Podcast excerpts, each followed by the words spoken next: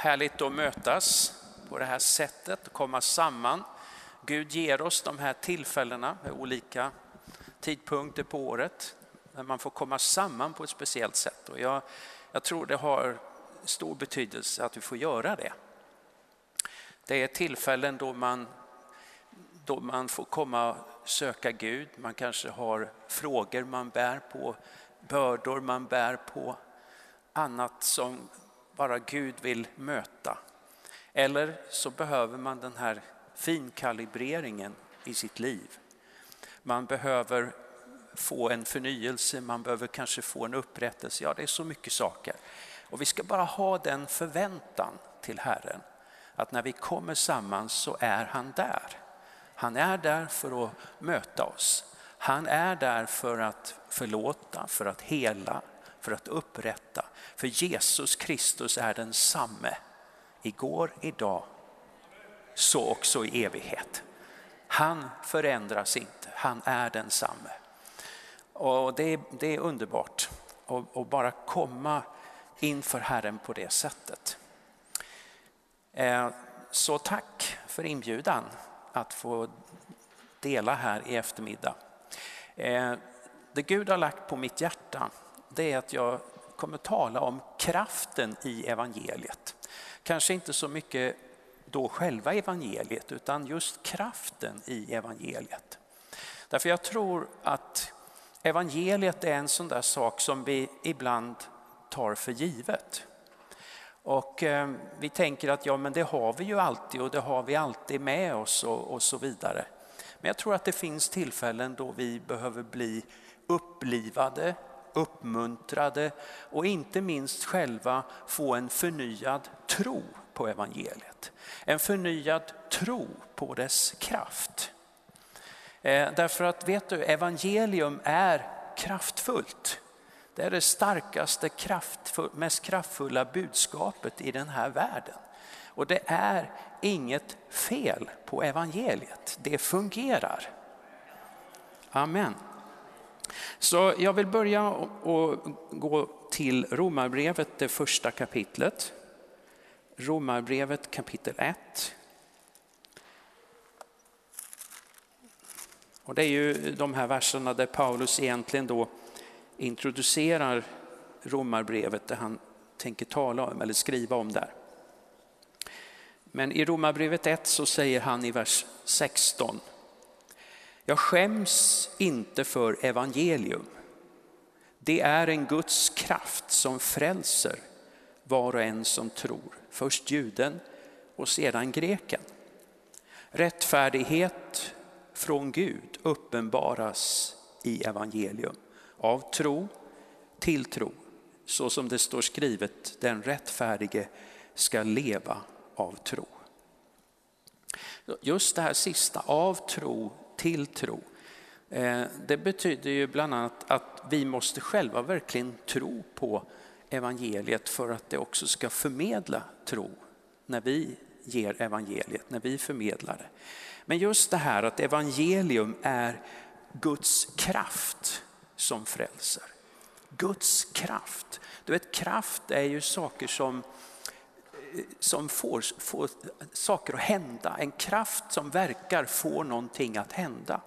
Om jag till exempel lyfter min bibel här nu så är det liksom muskelkraften och fästena och alltihopa i min arm. Jag ska inte ens försöka förklara det för det kan jag inte. Men det är liksom kraften som finns i min kropp genom muskel och muskelfästen. Det är den kraften som kan få Bibeln att höjas. Det vill säga få någonting att ske, få någonting att hända.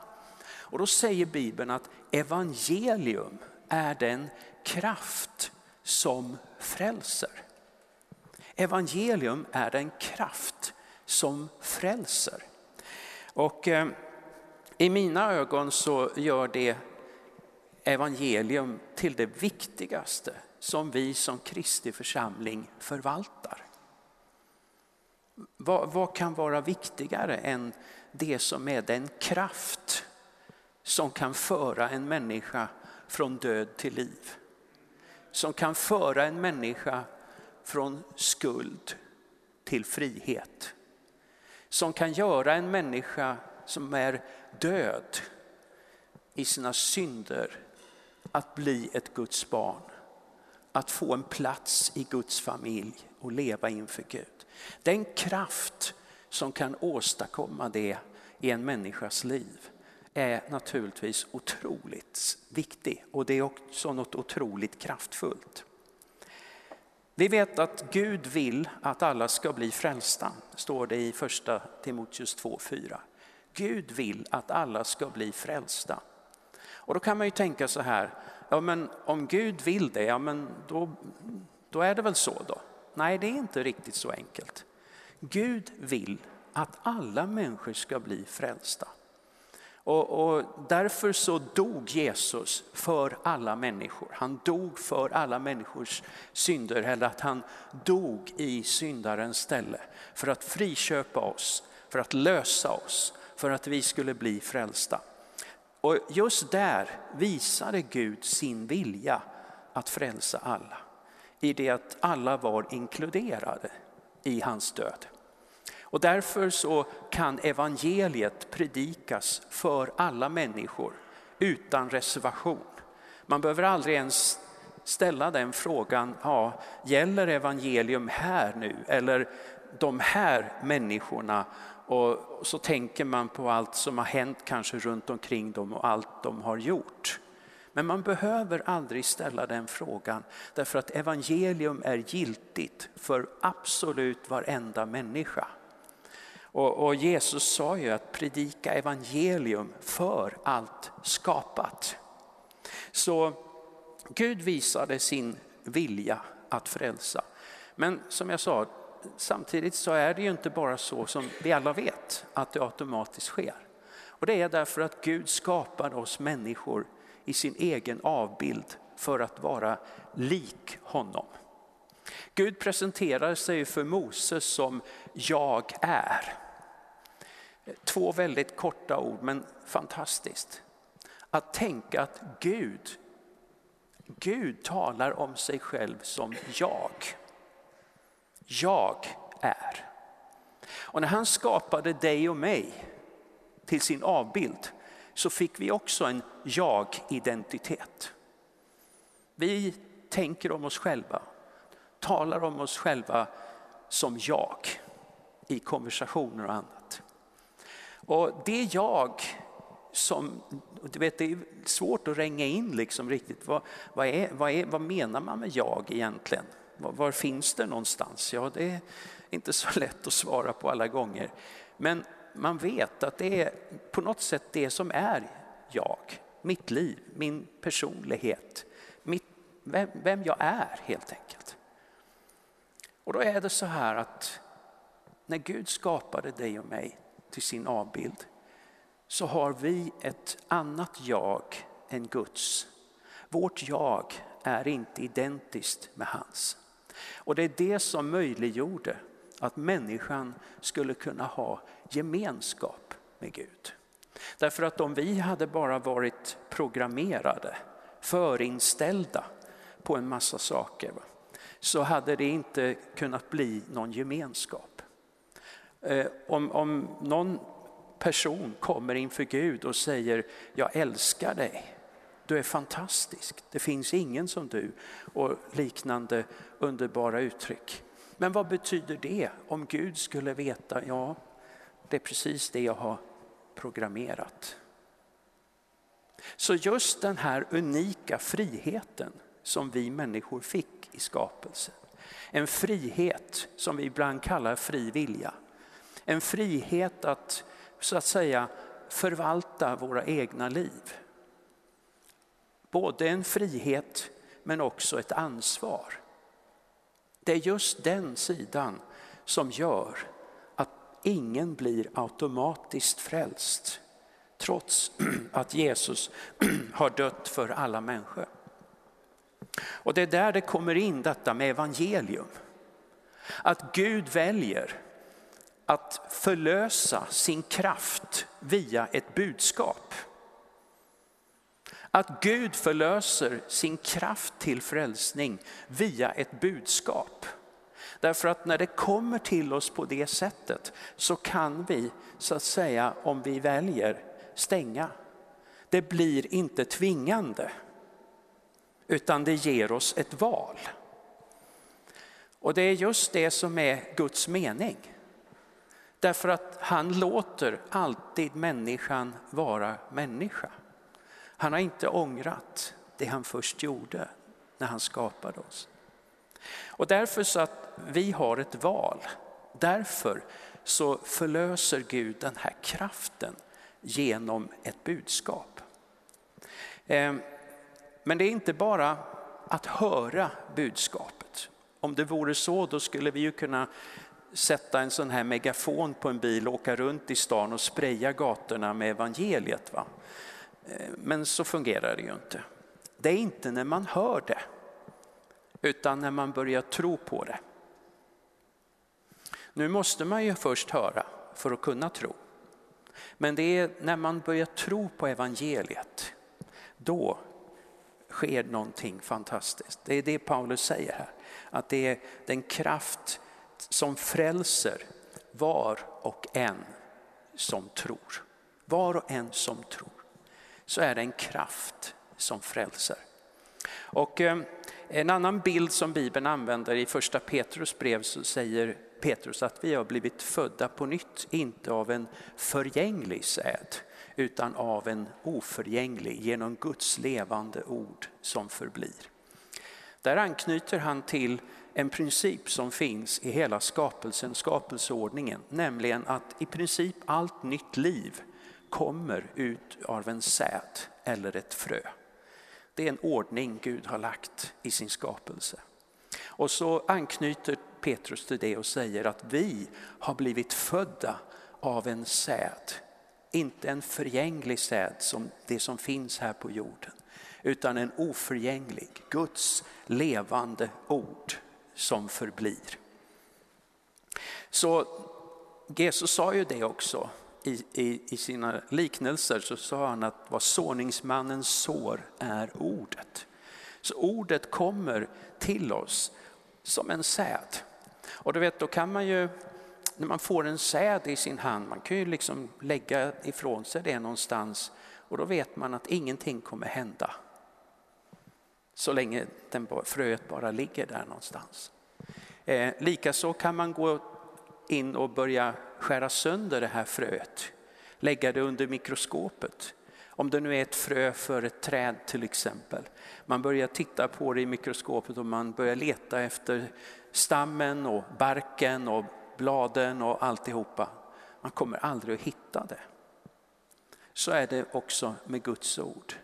Den som försöker dissekera det kommer aldrig att komma i kontakt med kraften som finns i det. Därför att potentialen finns i varje frö att bli precis vad det lovar. Men vad måste man göra då? Jo, man måste begrava fröet. Man måste gömma det. Då börjar kraften som finns i det att verka. Då börjar kraften att frigöras och någonting börjar växa. Så är det också med evangeliet, att när en människa är redo att ta emot så det är då man kommer i kontakt med den här kraften. Eh, jag ska gå vidare till första Korintbrevet, det femtonde kapitlet. För vad är, då, vad är då egentligen evangeliet, själva kärnan?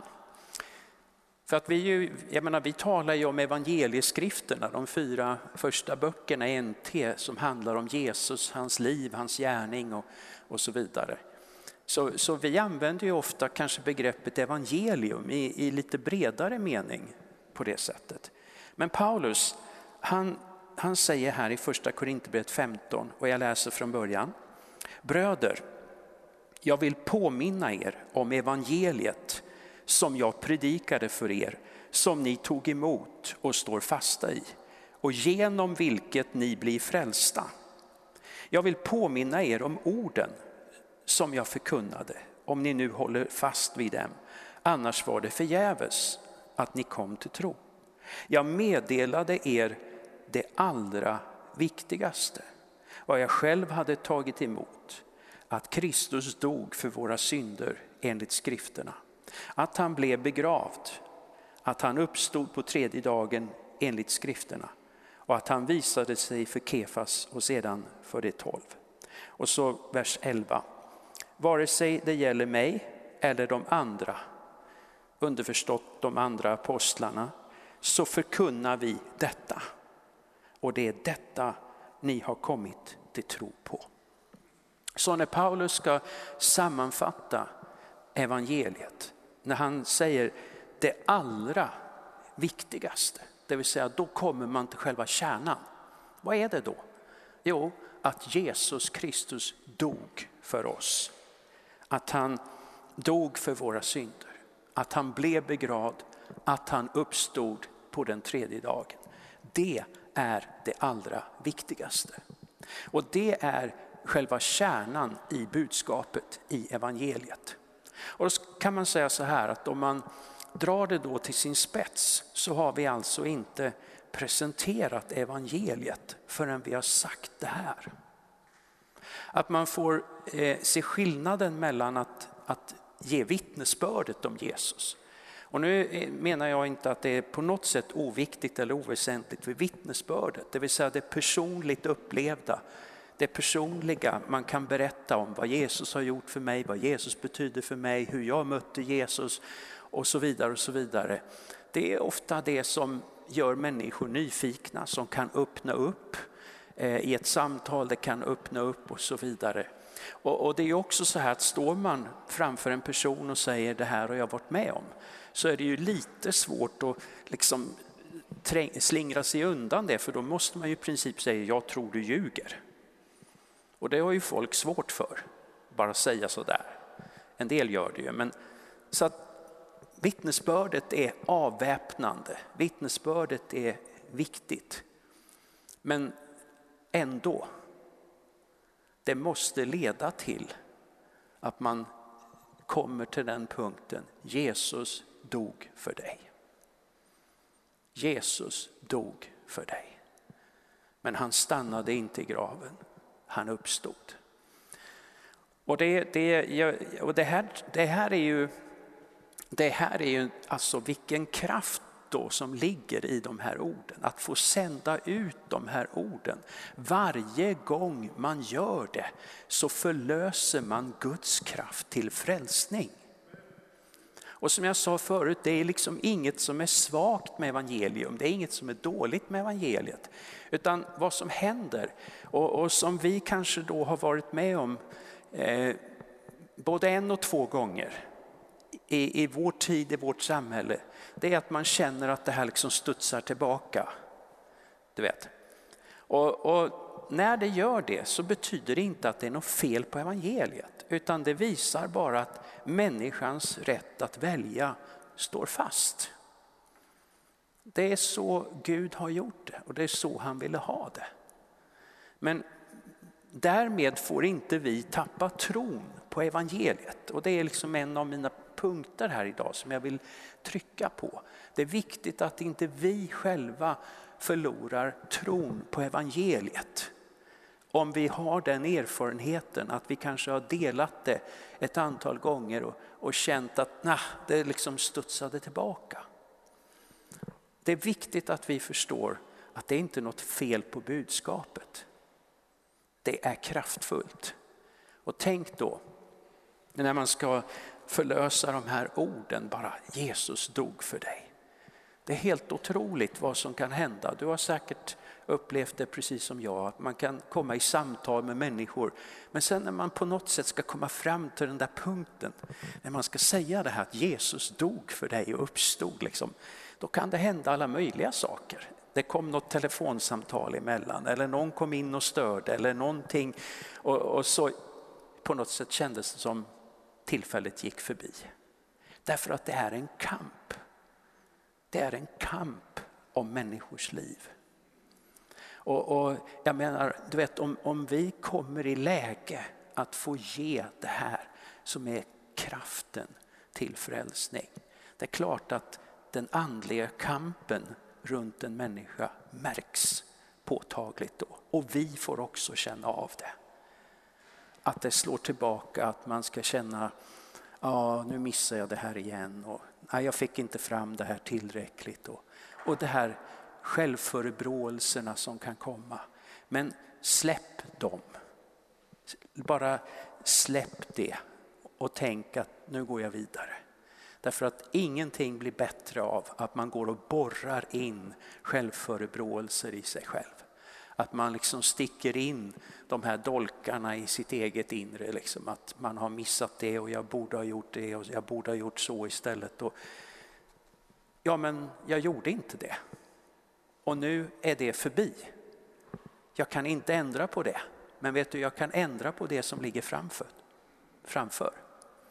Det kan jag ändra på. Så att det är jätteviktigt att man lär sig också. Och, och, känner man att man verkligen gjorde fel, då får man ju be Gud om förlåtelse då. Men det är viktigt att bara släppa det. För att annars kan det här bli liksom något som håller oss tillbaka. Så evangeliet är budskapet om hans död och uppståndelse. På pingstdagen, den heliga ande kommer över de troende. De blir uppfyllda av den helige ande. Och de liksom kommer ut ur den där salen ut på, på, på, på, ut på stan skulle vi säga. Och där var det en stor skara människor samlade som hade hört det här dånet och bullret och så. Och då i det kapitlet, Apostlagärningarna 2, så predikar Petrus för första gången evangeliet om hans död och uppståndelse. Eh, därför att det kunde ju inte predikas förrän det hade hänt. Jesus predikade evangelium om Guds rike. Eh, men när Petrus nu predikar på pingstdagen så predikar han med fokus på hans död och hans uppståndelse. Och speciellt uppståndelsen trycker han på. Och det är på något sätt det man skulle, om man skulle prata lite politikerspråk, skulle man kunna säga att Apostlagärningarna 2 är lite av församlingens linjetal då. Där, där man liksom får upp själva inriktningen. Det här är en modell för att förkunna evangeliet. Och faktiskt så hittar man samma sak i Apostlagärningarna 13. När Paulus då blir avskild och utsänd som apostel till nationerna. Och hans första predikan som finns återgiven i Apostlagärningarna 13, likadant. Fokus på hans död och hans uppståndelse. Och framförallt uppståndelsen. Därför att uppståndelsen är ju proklamationen av segern. Så det, det är viktigt att, att, eh, att se det här, att vi får inte tappa bort detta. Det som kan tyckas så på ett sätt enkelt, men det är det som är kärnan, det är det som är kraften i det vi håller på med. Det är det som är kraften som kan förvandla en människa. Jag satt och tänkte på det, jag visste ju vad jag skulle tala om idag. Så jag satt och tänkte på det när Sebastian talade igår kväll här. Så, så vittnade han ju en hel del och han hade också en hel del av analys hur, hur läget är i Sverige och, och hur saker ser ut. Men på slutet så kom han in och talade om död och uppståndelse. Jag, jag blev så glad, jag tänkte wow, där kom, där kom evangeliet liksom. För det, det är så viktigt. Okej, vi går vidare. Jag ska gå till andra Korinthierbrevet 4. Andra Korinthierbrevet kapitel 4.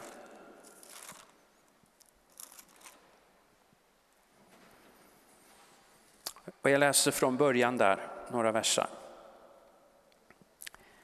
Därför, då vi genom Guds barmhärtighet har denna tjänst, så tappar vi inte modet. Vi har avsagt oss allt hemligt och skamligt och använder inga knep. Vi förfalskar inte Guds ord utan lägger öppet fram sanningen och anbefaller oss själva inför Gud åt varje människas samvete. Är vårt evangelium dolt så är det dolt för dem som går förlorade. Ty den här tidsålderns Gud har förblindat de otroende sinnen så att de inte ser ljuset som strålar ut från evangeliet om Kristi härlighet, han som är Guds avbild. Vi predikar inte oss själva utan Kristus, Jesus Kristus som Herren och oss som era tjänare för Jesu skull. Till Gud som sa, ljus ska lysa fram ur mörkret. Han har låtit ljus lysa upp våra hjärtan för att kunskapen om Guds härlighet som strålar fram i Kristi ansikte ska sprida sitt sken. Det här är, är, är, viktigt det Paulus säger här, att han inte använder sig av några dolda avsikter, liksom inga knep för att få människor på kroken, inga liksom, ingenting sånt. Utan han säger vi har, vi har frånsagt oss, avsagt oss allt hemligt, skamligt, vi använder inga knep. Förkunnelsen är rak och öppen och tydlig. Han lägger öppet fram sanningen som han har förstått den. Och han säger också att han anbefaller sig till människans samvete. Och det här är viktigt, därför att det betyder att ordet talar inte och appellerar inte enbart till människans förstånd eller till människans känsloliv, utan också människans samvete. Samvetet är ju också en bild av Guds, eller en del av Guds avbild i oss. Gud ser vi och lär vi oss i Bibeln är en moralisk Gud. En Gud som gör värderingsmässig åtskillnad mellan gott och ont. Det är inte detsamma för Gud. Mellan rätt och fel, mellan sant och falskt. Som det står i Hebreerbrevet 1, att Herren älskar rättfärdighet och hatar orättfärdighet. Så i den meningen är Herren en moralisk Gud.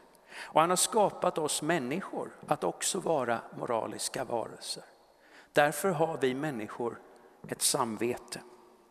Det är vår moraliska medvetenhet. Och samvetet är alltså inte detsamma som varken förnuftet, känslan eller viljan. Samvetet är inte liksom bara en, en liten sidofunktion i något av det här, utan samvetet är en egen domän i människan. Samvetet kan inte korrumperas eller omprogrammeras. Lögnens fader har inte tillträde dit. Men likväl så kan saker hända med samvetet. Bibeln talar om att man kan förhärda sig. Ett förhärdat samvete. Och grundläggande sker det när en människa börjar göra saker mot bättre vetande. Man vet att man inte skulle, man vet att man inte borde, men man gör det ändå. Av vilken orsak nu då? Men man gör det ändå. Och när man börjar gå in på den vägen så händer någonting. Och det som sker är att samvetet tystas ner mer och mer. Och samvetet blir tyst. Bibeln talar om ett brännmärkt samvete. Och det är det här som gör att syndaren ändå kan vara bekväm i sin synd. Därför att det finns inte någonting där inne som som, som vittnar, som talar, det har blivit tyst. Samvetet är avaktiverat så att säga. Och eh, det är det här som gör att det räcker inte med att förkunnelsen bara rör människans förstånd eller människans känsloliv. Utan Guds ord är levande. Guds ord är kraftigt.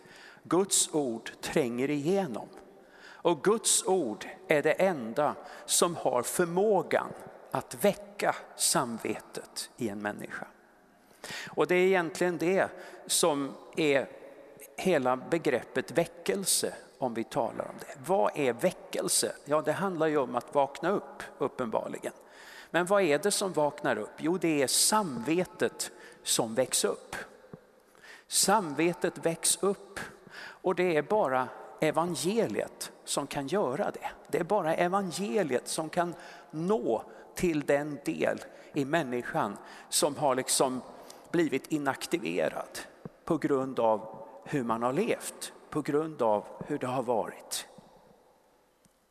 Det är skillnad mellan att bli överbevisad i sitt samvete och att ha skuldkänslor. Skuldkänslor hör, som det precis låter, till, till känslornas område. Och det är möjligt att gå omkring och känna skuldkänslor precis som man kan känna andra typer av känslor. Man kan känna glädje, man kan känna sorg, man kan känna fruktan, man kan känna massa saker i sitt känsloliv. Man kan också känna skuld.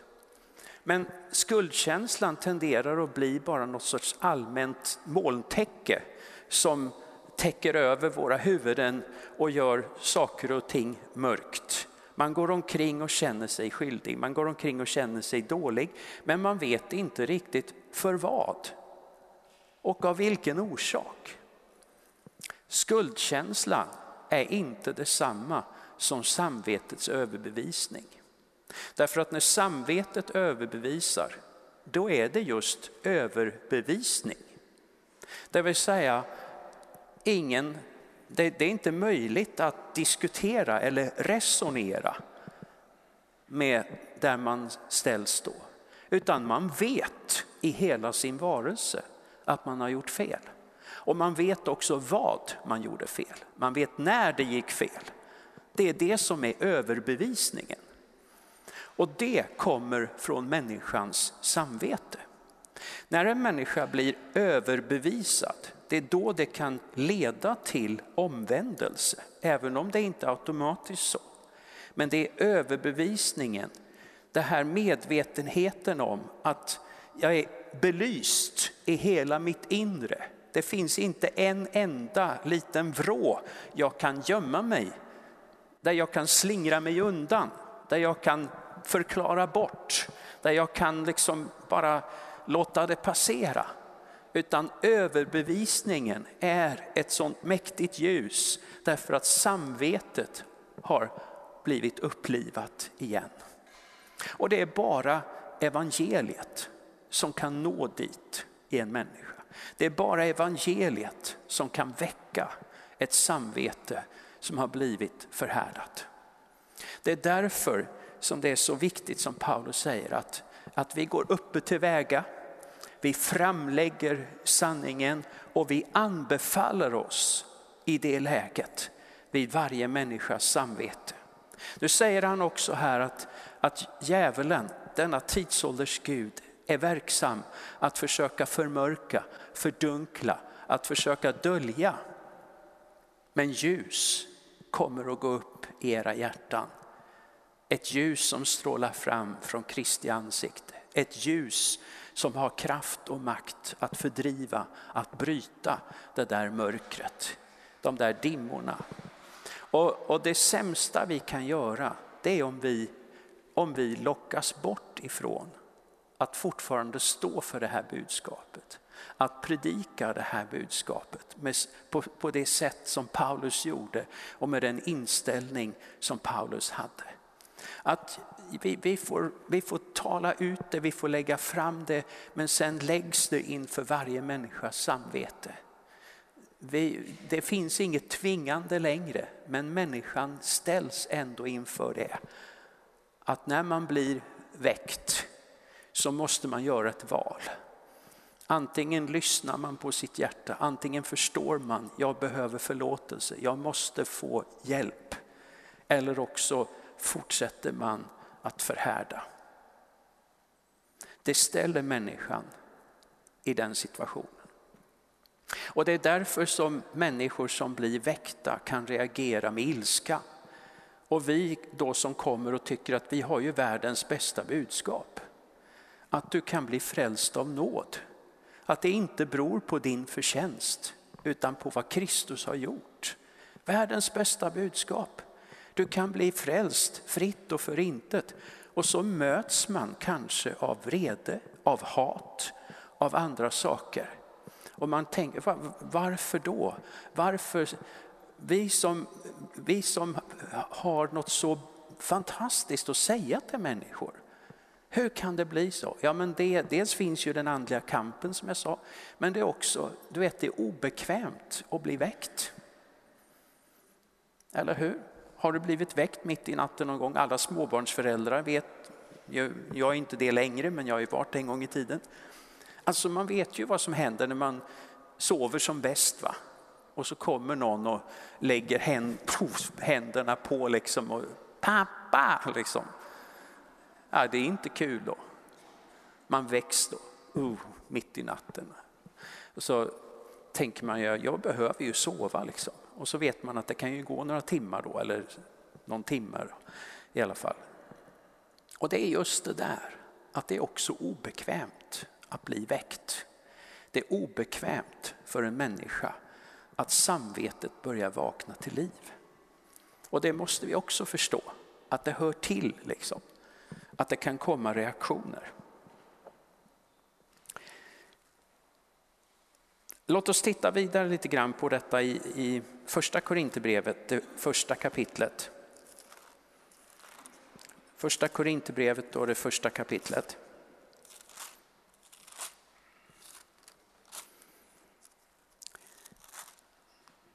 Där säger Paulus så här, jag börjar läsa i vers 17.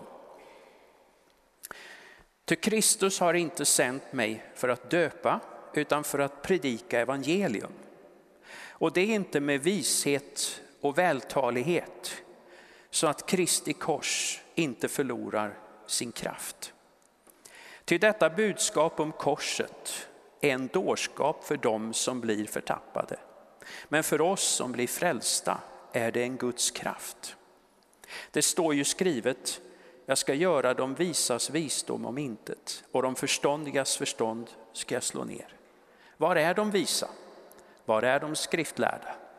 Var är den här världens ordvrängare? Har inte Gud gjort den här världens visdom till dårskap? Jo, eftersom världen i sin visdom inte lärde känna Gud i hans vishet beslöt Gud att genom den dårskap som vi predikar frälsa dem som tror. Här säger Paulus att att korset kan mista sin kraft. Objektivt sett kan det ju naturligtvis inte det. Därför att vad Jesus har gjort, det har han gjort. Och det står fast, det, det står kvar. Så att om korset kan mista sin kraft, då är det bara på den subjektiva sidan. Det vill säga i förkunnelsen och mottagandet av evangeliet. Där är det alltså enligt Paulus en möjlighet att korset kan mista sin kraft. Hur då? Jo, om förkunnelsen bygger på eller blandas upp med världens visdom, säger Paulus. Världens visdom, vad är det för någonting? Ja, ett enkelt sätt att säga det är att det är ett samlat begrepp för all den visdom eller kunskap som har världen som sin källa. Det vill säga, där inkluderas ju det vi vanligen kallar vetenskap exempelvis.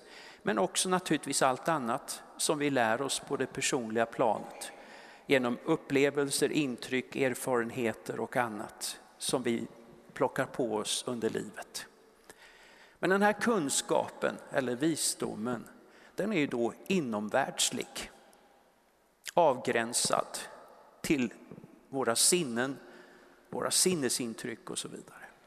Och det är därför som Paulus säger att världen i sin visdom lärde inte känna Gud i hans visdom. Därför Gud finns ju utanför detta.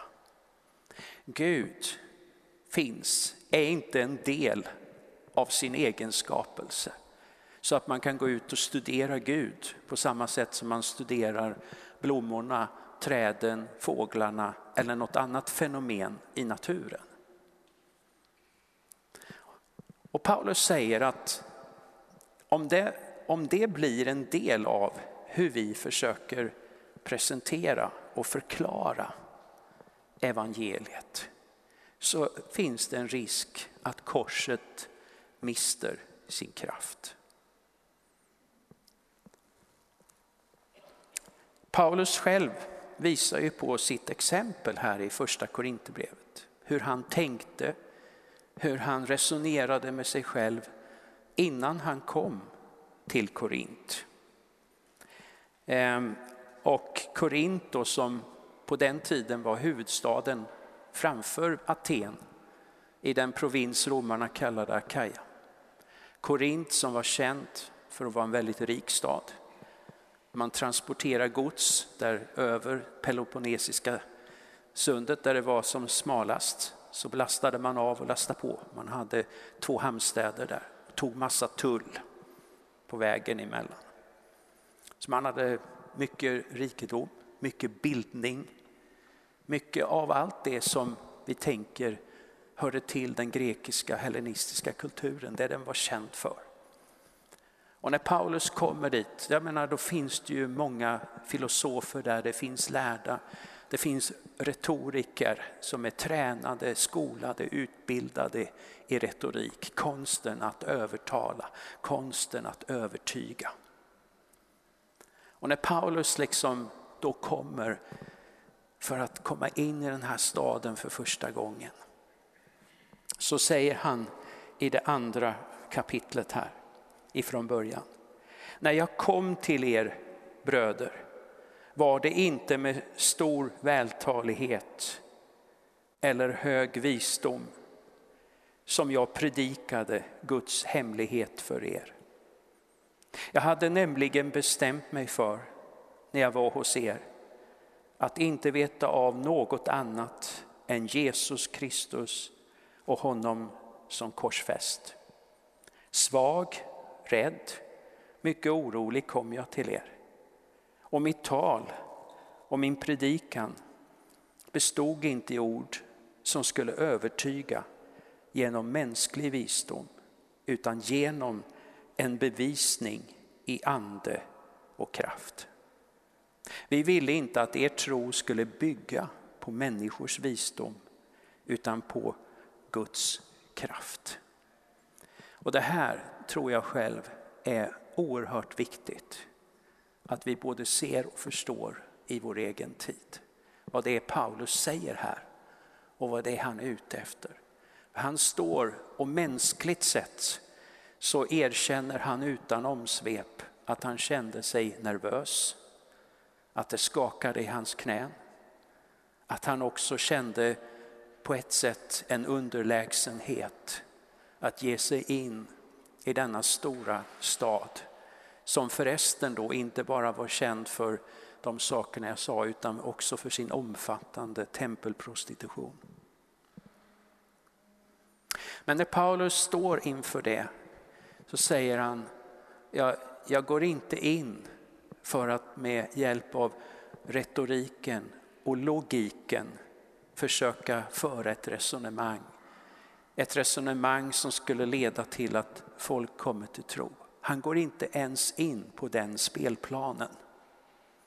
Utan bestämmer sig för att jag kommer inte att veta av någonting annat än Kristus och honom som korsfäst.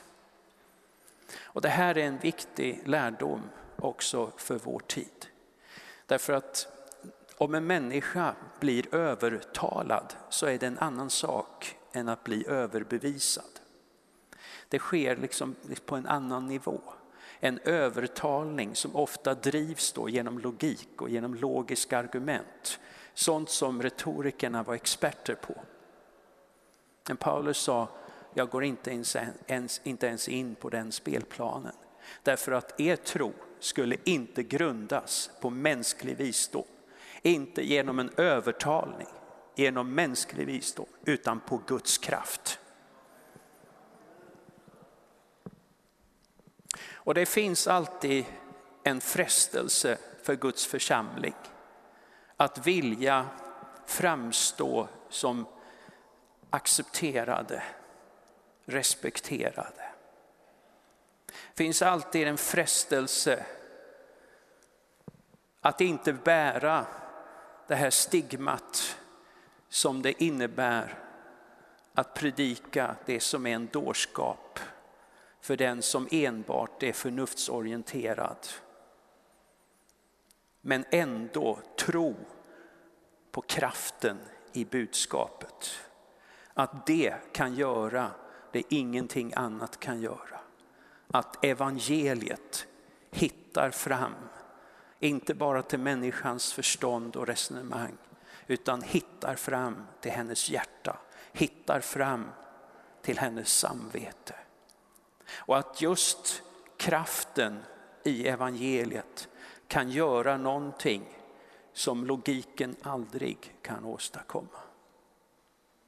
Nämligen väcka samvetet, nämligen ge en överbevisning som ger människan tillfälle och möjlighet till omvändelse. Om en människa bara blir övertalad så kan hon i bästa fall ansluta sig. Men det är skillnad på att ansluta sig och omvända sig. Och människor som bara ansluter sig, som man brukar säga, easy come, easy go. Man kan lätt hoppa på tåget, men lika lätt hoppar man av igen om något annat dyker upp, något annat erbjudande som verkar bättre. Men omvändelsen är en personlig uppgörelse med den levande guden. Omvändelsen är en personlig uppgörelse där jag ser mitt liv förlorat utan honom. Där jag ser mitt liv gå förbi utan honom.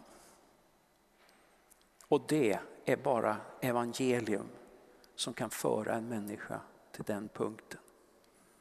Det är därför det är så viktigt att vi inte låter oss bedras. Precis som Paulus var på sin vakt. Att inte gå in på fel spelplan på sin tid och försöka vinna med fel spelregler.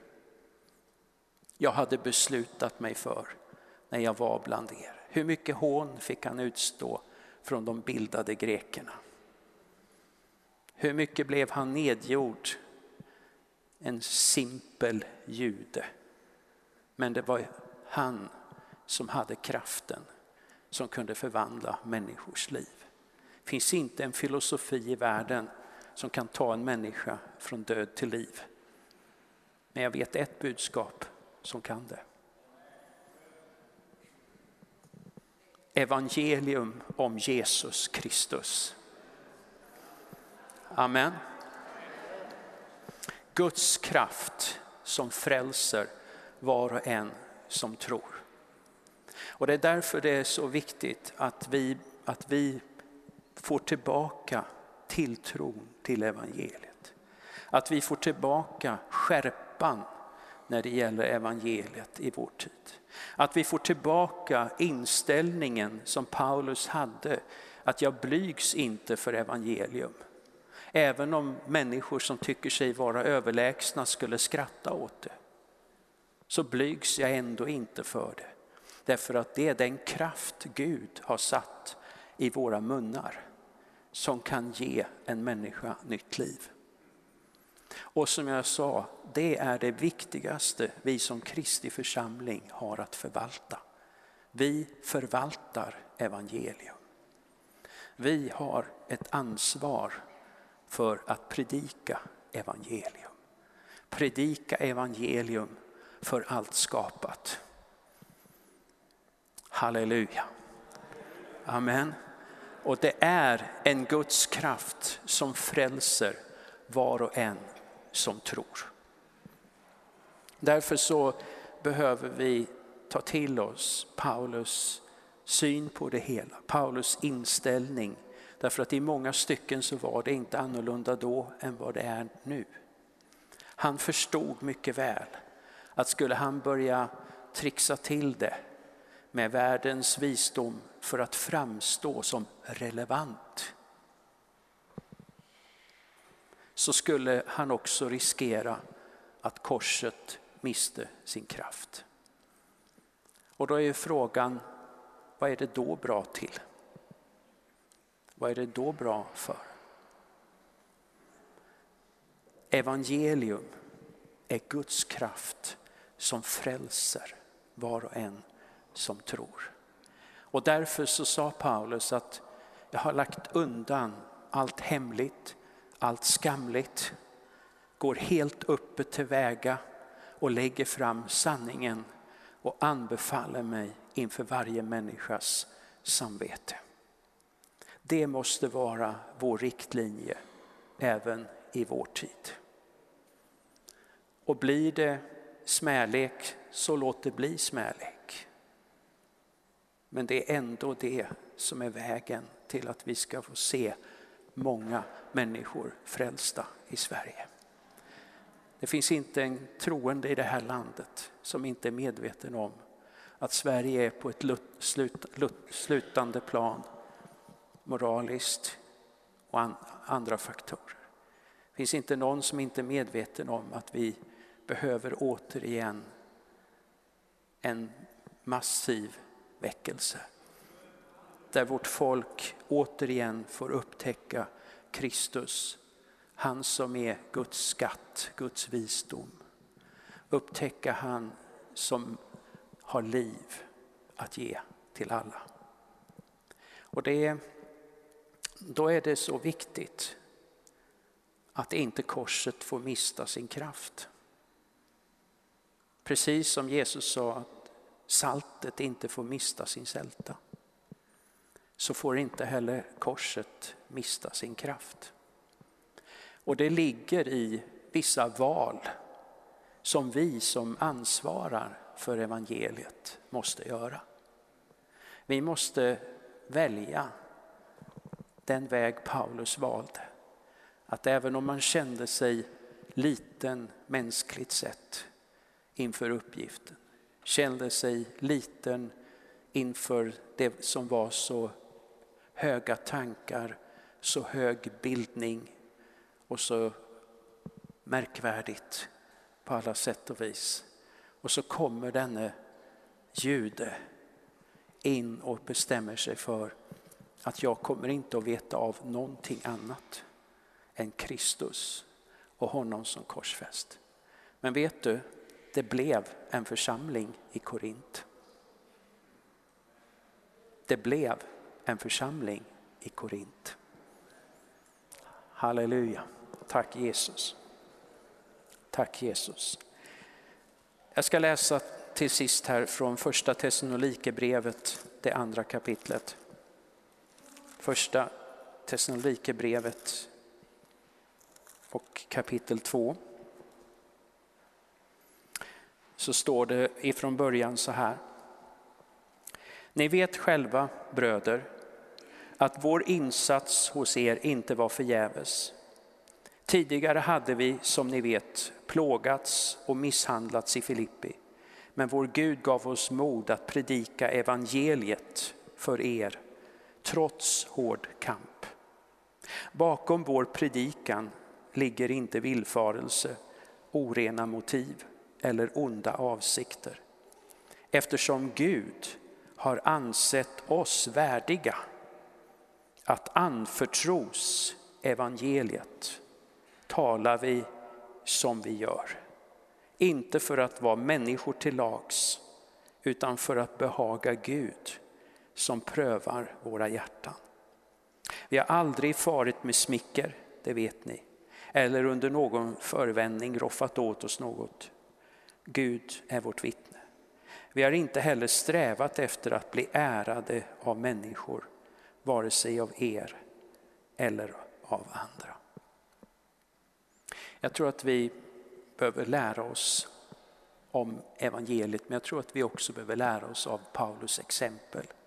Inte minst, jag talar till mig själv, som förkunnare så behöver vi lära oss. Och vi behöver bli vassare i vår tid. Men inte en vasshet som är en hårdhet mot människor. Utan en vasshet som har med precision att göra. I att vi vet vad det är Gud har gett oss ansvar för. Och att vi frimodigt gör det. Att vi frimodigt står upp i det som är uppdraget. Att predika Guds evangelium för allt skapat. Halleluja. Tack Jesus Kristus. Amen. Och att vi, att, att vi, du ser här Paulus säger att Gud har ansett oss värdiga att få evangelium oss anförtrott. Tänk att det är Guds kraft som frälser och varje gång evangeliet går ut så ger det möjligheten för en människa att bli förvandlad. Varje gång. Och Gud har anförtrott detta till oss. Alltså är vi förvaltare. Och eh, jag tror att vi, där vi står nu så måste vi välja den här vägen i Sverige. Eh, vi kan inte välja liksom att gå in på fel spelplan och försöka spela med fel förutsättningar. Utan jag tror att vi måste se det apostoliska föredömet här och följa efter det och göra det frimodigt också. Om, eh, om det sen möter mothugg och glåpord, så låt det göra det då. Men vi måste veta, vi måste vara övertygade om att det är det här som är vårt uppdrag. Det är det här vi tror på. Det är det här vi står för. Att Kristus dog för våra synder. Att han blev begravd och att han uppväcktes på den tredje dagen. Det är evangelium. Halleluja. Fader Gud, jag tackar dig och prisar dig. Jag tackar dig Herre för att du sände din son för att världen skulle leva. Tack att du sände din son Herre. Och var och en som tror på honom ska inte förgås utan ha evigt liv. Vi bara tackar dig Herre för evangeliet. Vi tackar dig Herre i den här stunden att du Herre bara, bara skärper upp oss i vårt inre Herre. Att återigen bli medvetna om själva fokus, själva centrum i vårt uppdrag att predika evangeliet. Och att vi inte ersätter det eller försöker ersätta det med någonting annat. Utan evangeliet har sin unika plats. Budskapet om Jesus Kristus. Budskapet om vad Jesus har gjort. De goda nyheterna har sin unika plats i allt det vi ska göra. Allt det du har gett oss ansvar för. Så vi bara tackar dig för det. Halleluja. Amen. Amen. Skulle jag bara kunna få be er att stå upp här i avslutningen. Så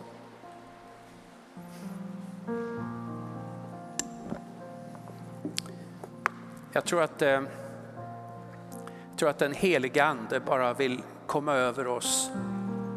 Att han är det redan, men att, att vi också får bara ta emot någonting som, som blir det här inseglet i våra hjärtan på det jag tror Gud vill göra den här eftermiddagsstunden. Ehm, den helige Ande utrustar oss. Vi har alla de där texterna som talar om det. Inte minst när Jesus säger när den helige Ande kommer över er ska ni få kraft och bli mina vittnen. Men den helige Ande har inte bara den utrustande kraften utan den helige Ande har också den sändande. Och jag har bara upplevt att Gud har lagt det på mitt hjärta att Herren vill förlösa dig här i eftermiddag. För du vet Jesus när han stod upp och vittnade där i Nasaret. Herrens ande är över mig, han har smort mig. Han har sänt mig. Vi är så vana om att tala Jesus som sänd från Fadern, vilket absolut är sant. Hela Johannes evangeliet vittnar om det. Men den helige ande har också en sändande kraft i uppdraget. Han har smort mig, utrustningen. Han har sänt mig. Och jag tror att, att den sändningen vill bara Herren förlösa här i eftermiddag. För jag tror att Herren bara har lagt på nytt evangeliet på ditt hjärta.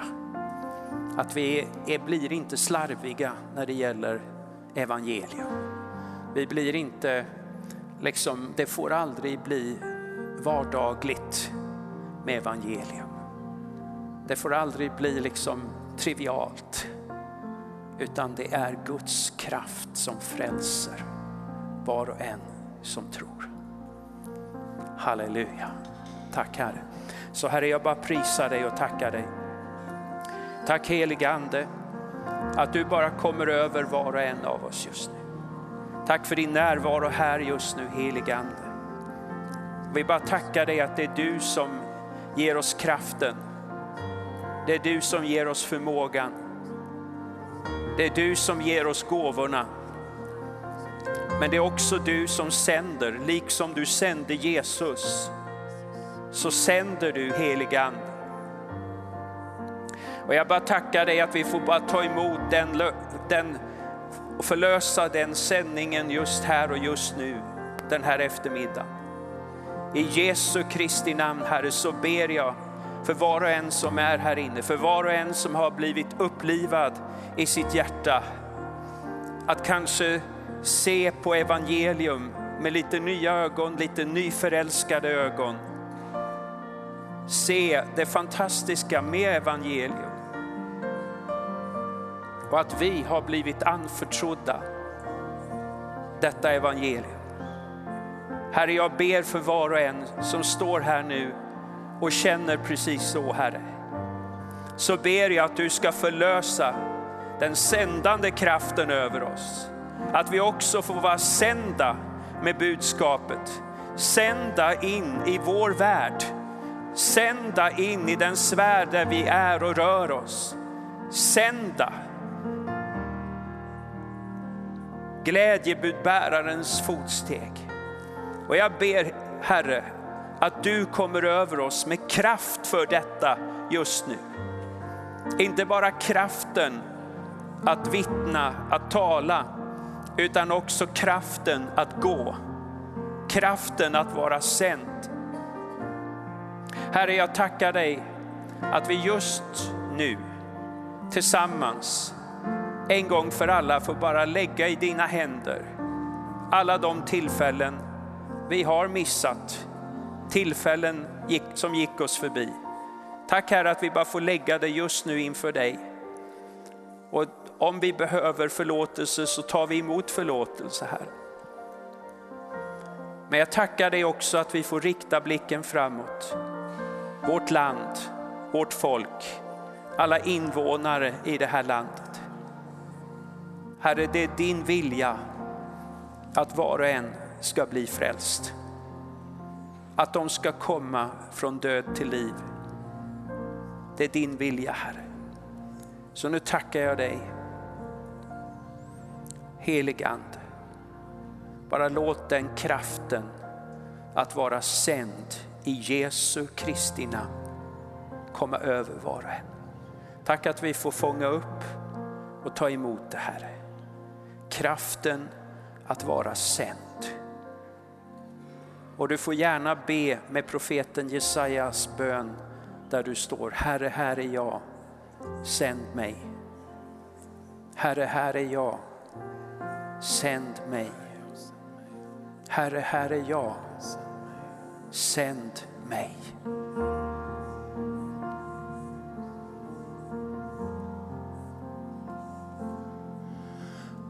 Varhelst ett människohjärta slår. Som Fadern har sänt mig så sänder jag er. Till jordens ändar ska min frälsning nås. Till varje plats där ett människohjärta slår.